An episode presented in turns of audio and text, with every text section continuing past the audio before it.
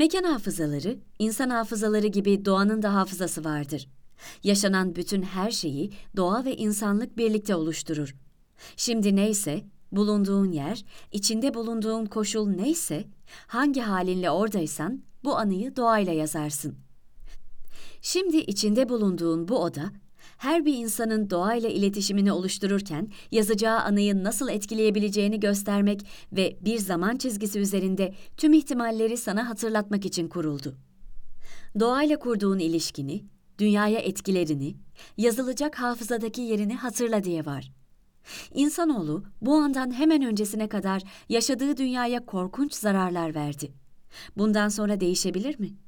Toprak, hava ve su insanın yaptıklarına rağmen onunla barışabilir mi? Şimdi sakince buradayız. Geçmişte hafızada oluşturulmuş anılar, gelecekte seninle daha iyi anılar oluşturabilir mi?